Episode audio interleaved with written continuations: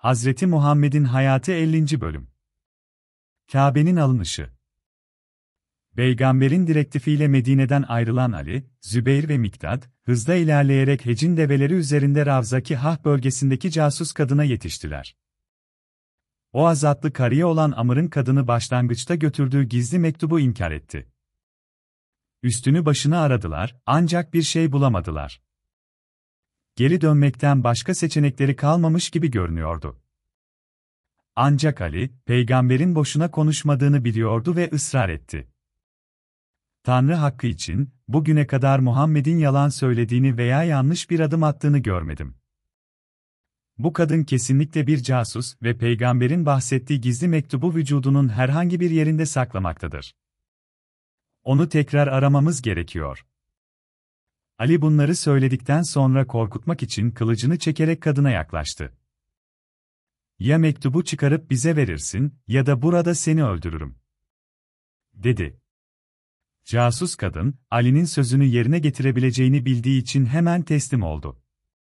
Saçının bukletlerinin arasından çıkardığı mektubu Ali'ye verdi. Hazreti Ali, mektubu hiç açmadan doğrudan Medine'ye götürdü ve Hazreti Muhammed'e teslim etti kadını da yanında getirip Resulullah'ın huzuruna çıkardı. Peygamberimiz kadına sordu. Bu mektubu sana kim verdi? Hatip verdi. Dedi kadın. Bunun üzerine Peygamber Efendimiz Hatip'i çağırdı ve bu mektubu neden gönderdiğini sordu. Hatip, ağlayarak ve peygamberden af dileyerek şu sözleri söyledi. Ey Resulullah! Bil ki, ben Tanrı'ya inananlardanım ve senin hak peygamber olduğunu çok önceden kabul ettim. Bu mektubu göndermeye razı olma sebebim, Mekke'de olan eşyalarımı ve ailemi kurtarabilmek düşüncesiydi. Orada saklayacak kimsem yoktu. Umuyordum ki böyle yaparak mallarımı kurtarabilirim. Bu umutla mektubu göndermek zorunda kaldım. Hazreti Muhammed, Hatip'in bu itirafından dolayı ona kötü davranmadı. Ancak Ömer, kendini tutamayarak haykırdı. Allah seni lanet etsin. Mekke üzerine yürüyeceği haberinin ne kadar gizli tutulduğunu bile bile, bu sırrı düşmana açıklayan bir mektubu Kureyşlilere nasıl vermeyi kabul ettin? Sonra Hazreti Muhammed'e dönerek şöyle dedi. Ey Resulullah! Bana izin verin, bu kötü adamın boynunu vurayım. Peygamberimiz soğukkanlılığını koruyarak cevap verdi. Ey Ömer! Böyle düşünceler içine girme. O adamı ben senden daha iyi tanırım. Bedir Savaşı'nda bizimle birlikte olanlardan biriydi. Peygamber bunları duyduğunda, Ömer'in gözlerinden yaşlar boşandı ve özür dileyerek şunları söyledi. Ey Muhammed! Affet beni, bunu bilmiyordum. Kur'an-ı Kerim'deki, Mümtehine suresi 1. ayeti bu sebeple indirilmiştir. İman edenler. Benim de düşmanım, sizin de düşmanınız olanları dost edinmeyin. Siz onlara sevgi gösteriyorsunuz. Halbuki onlar size gelen hakkı inkar ettiler. Rabbiniz olan Allah'a inandınız diye Resulü ve sizi yurdunuzdan çıkarıyorlar. Eğer rızamı kazanmak üzere benim yolumda cihad etmek için çıktıysanız, böyle yapmayın. Onlara gizlice sevgi besliyorsunuz. Oysa ben sizin gizlediğinizi de, açığa vurduğunuzu da bilirim. Sizden kim bunu yaparsa, mutlaka doğru yoldan sapmıştır. Mümtehine Suresi 1. Ayet Hazreti Muhammed, Mekke yolunu kestirdikten sonra, o bölgedeki Arap kabileleri olan Gaffar, Müzeyyene, Cehine ve Eşya kabilelerine de haber göndererek Allah'a ve Resulüne iman edenlerin Ramazan ayının ilk günlerinde Medine'ye gelmelerini istedi. Hazreti Muhammed sallallahu aleyhi ve sellem, Mekke'nin fethi için gereken tüm hazırlıklar tamamlandıktan sonra, Ramazan ayının ikinci günü veya başka bir söylentiye göre üçüncü günü, Medine'den yola çıktı. Her seferinde olduğu gibi, bu seferde de eşi Ümmü Selme kendisine eşlik ediyordu. Bu büyük savaşa, muhacirlerden 700 piyade ve 300 süvari, Ensardan 4000 piyade ve 500 süvari, Müzeyyene kabilesinden 1000 piyade katıldı. Bu birlikler arasında yüz kadarı zırhlıydı. Ayrıca Eşlem kabilesinden 400 piyade ve 30 süvari ile Beni Kab ve Beni Amr'dan 500 piyade gönderildi. Diğer kabilelerden de yardıma gelen askerler vardı. Sağsal bölgesine ulaştıklarında, Hazreti Peygamber Zübeyir bin Avam'ı 200 kişiyle önce olarak ileri gönderdi. Kadid mola noktasında mücahitlere bayraklar verilerek savaşa hazır hale getirildiler. Bir süre sonra Beni Selim kabilesi savaşçıları da yetişti. Bunlar yaklaşık bin kişiydi ve oklar ve kargılarla silahlanmışlardı. Atlılar olduğu için hızla ilerliyorlardı.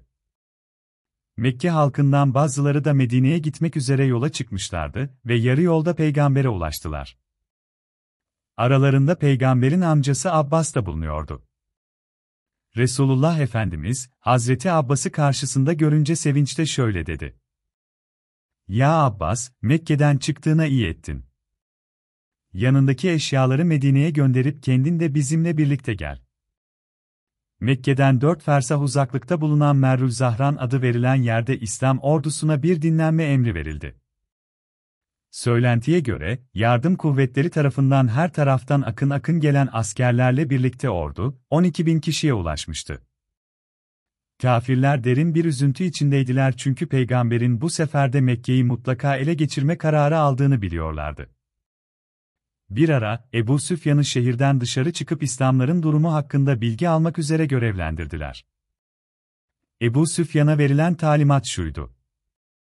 Medine yolunda neler olduğunu öğrenmeye çalış. Eğer Muhammed'le karşılaşabilirsen, kendisinden affetmek için ricada bulunmak uygun olur. Çünkü gücümüz her geçen gün azalmakta, umudumuz kaybolmaktadır. Muhammed'in düşmanlığı bize hiç iyi gelmeyecektir. Bu talimat üzerine Ebu Süfyan, Bedi bin Maraka'yı yanına alarak Mekke'den ayrıldı ve hızla yol alarak Merül Zahran'a ulaştı. Peygamberimizin emriyle İslam ordusunda yakılan ateşlerin kızıllığı uzaktan fark ediliyordu. Kureyşliler, bu kızıllığın anlamını çözemiyorlardı. Şimdi her biri farklı bir şekilde konuşuyordu. Ebu Süfyan büyük bir endişe içindeydi. Acaba bu ateşler neyi işaret ediyordu? Kızıllığın Muhammed'in ordusunun karargahında yakılan ateşlerden kaynaklandığı öğrenilince, Kureyşlilerin telaşı ve korkusu daha da arttı. Abbas olayı şu şekilde anlatır. O gece Merül Zahran'da uzaktan ateşleri gördüğümde, Muhammed'in ordusunun gücü gözümde büyüdü. Eğer bu askerlerin hepsi Mekke'ye girerse, Kureyş'in durumu çok kötü olacak. Ye düşündüm ve bir katıra binerek ileri doğru ilerledim. Eğer orada bir oduncu veya sütçüyle karşılaşırsam, onlara Mekke'dekilere haber vermek niyetindeydim. Ancak bu şekilde içinde bulundukları tehlikeden haberdar olacaklardı, aksi halde Muhammed'in ordusu tarafından yok edileceklerdi. Tam o sırada, Ebu Süfyan'ın sesi kulağıma geldi. Yanındaki kişiye telaşlı bir şekilde bir şeyler anlatıyordu.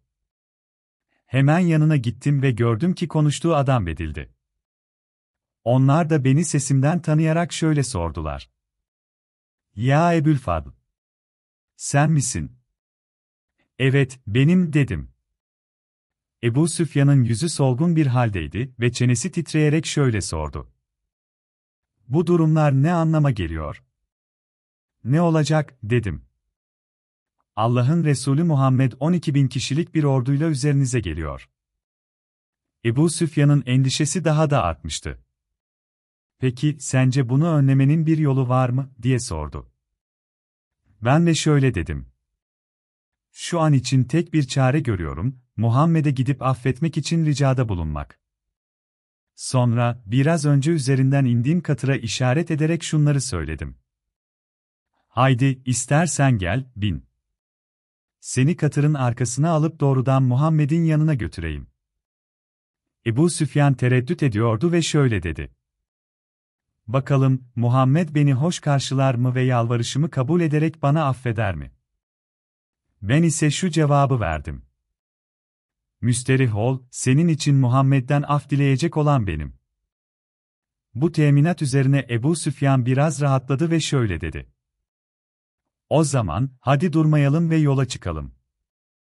Ben de onu kendi katırıma aldım ve Muhammed'in pırıl pırıl yanan ateşlerle donatılmış ordugahına doğru ilerledik. Erler arasından geçerken herkes bize bakıyordu. Eğer beni tanımamış olsalardı, Ebu Süfyan'a zarar vereceklerinden şüphe yoktu. Ben önde, Ebu Süfyan ise katırın arkasında yavaşça ilerlerken ateşli ordugahın tam ortasına girdik. Bir ara gözüme Ömer'in çadırı ilişti. Ömer, beni katırın önünde gördüğü için Ebu Süfyan'ın arkada oturduğunu fark etmemişti. Yaklaşıp birden gözü Ebu Süfyan'a ilişince hemen yerinden sıçrayıp kılıcına davrandı. Öylesine öfkeliydi ki gözleri adeta ateş saçıyordu. Bire tanrı düşmanı Ebu Süfyan. Sen burada ne arıyorsun, diye haykırdı. Sonra dişlerini gıcırdatarak şunları söyledi. Allah'a şükür ki kendi ayağınla tuzağa düştün. Artık seni benim elimden kim kurtarabilir? Ömer, bu sözleri söyledikten sonra gözden kayboldu. Hemen anladım ki, bizden önce peygamberi bulup Ebu Süfyan'ın öldürülmesi için izin almaya gidiyor. Hızla katırımı kamçılayarak oraya yetiştim. Ömer'den çok geçmeden beni takip etti ve nefes nefese peygambere şunları söyledi. Ya Resulullah! Abbas'ın katırından inen adamı benden daha iyi tanıyorsundur. Şu yüzsüze bak, Tanrı'nın düşmanı olduğunu unutup senin huzuruna cesaretini gösterdi. Emret de bu dinsiz, imansız adamın hemen burada boynunu vurayım. Bu sözleri duyunca hızlıca peygamberin yanına sokuldum ve ona şunları söyledim. Ya Resulullah! Ebu Süfyan'a senin affına güvenerek aman veren benim. Ömer ise onu öldürmek istiyor. Hazreti Muhammed'in yüzünde bir gülümseme belirdi. Ömer'i yana çekerek Kureyş kifirlerinin gururlu liderine şu emri verdi. Ya Ebu Süfyan! Müslüman ol ki selamete eresin. Ebu Süfyan ise peygambere cevap vermek konusunda zorlanıyordu. Emrin başım üstüne ye Muhammed. Ama LT ve Uzza ile ne olacak? Bizim ünlü putlarımız. Sonra bana ne derler? Peygamber bana dönerek şöyle buyurdu. Ey Abbas! Bu gece Ebu Süfyan'ı çadırında sakla. Sabah olunca yanıma getir. Ertesi gün erkenden Ebu Süfyan'ı alıp Hazreti Muhammed'in yanına götürdüm. Peygamber sordu. Ye Ebu Süfyan! Hala putlardan ayrılmayacak mısın? Hala Tanrı'dan başka Tanrı olmadığına inanmanın zamanı gelmedi mi? Ebu Süfyan, sanki dili tutulmuştu. Hazreti Muhammed'in sorduğu bu sorulara nasıl cevap vereceğini bir türlü kestiremiyordu. Sonunda şöyle dedi. Ya Muhammed! Anam, babam sana feda olsun. Sen ne cömert, ne merhametli bir insansın. Sana bu kadar sıkıntılar yaşatmışken, sen nasıl oluyor da bana bu kadar hoşgörüyle davranabiliyorsun? Artık anladım ve iman ettim ki, senin Tanrın, bütün evrenin sahibi olan Tanrıdır ve ondan başka sığınacak kimse yoktur. Eğer putlarımız bize bir fayda sağlasaydı, Kureyş kabilesi bu duruma düşer miydi? Ben orada Ebu Süfyan'ın sözünü kestim ve şöyle dedim. Lafı uzatmanın ne anlamı var? Kelimeci şehadet getir. Aksi takdirde, Ömer gelip senin boynunu vurur. Bu sözümün etkisi görüldü. Ebu Süfyan, peygambere inandığını değil, sadece Ömer'in kılıcının kendisine inmesinden korktuğu için şehadet getirip, sözde Müslümanlığı kabul etti.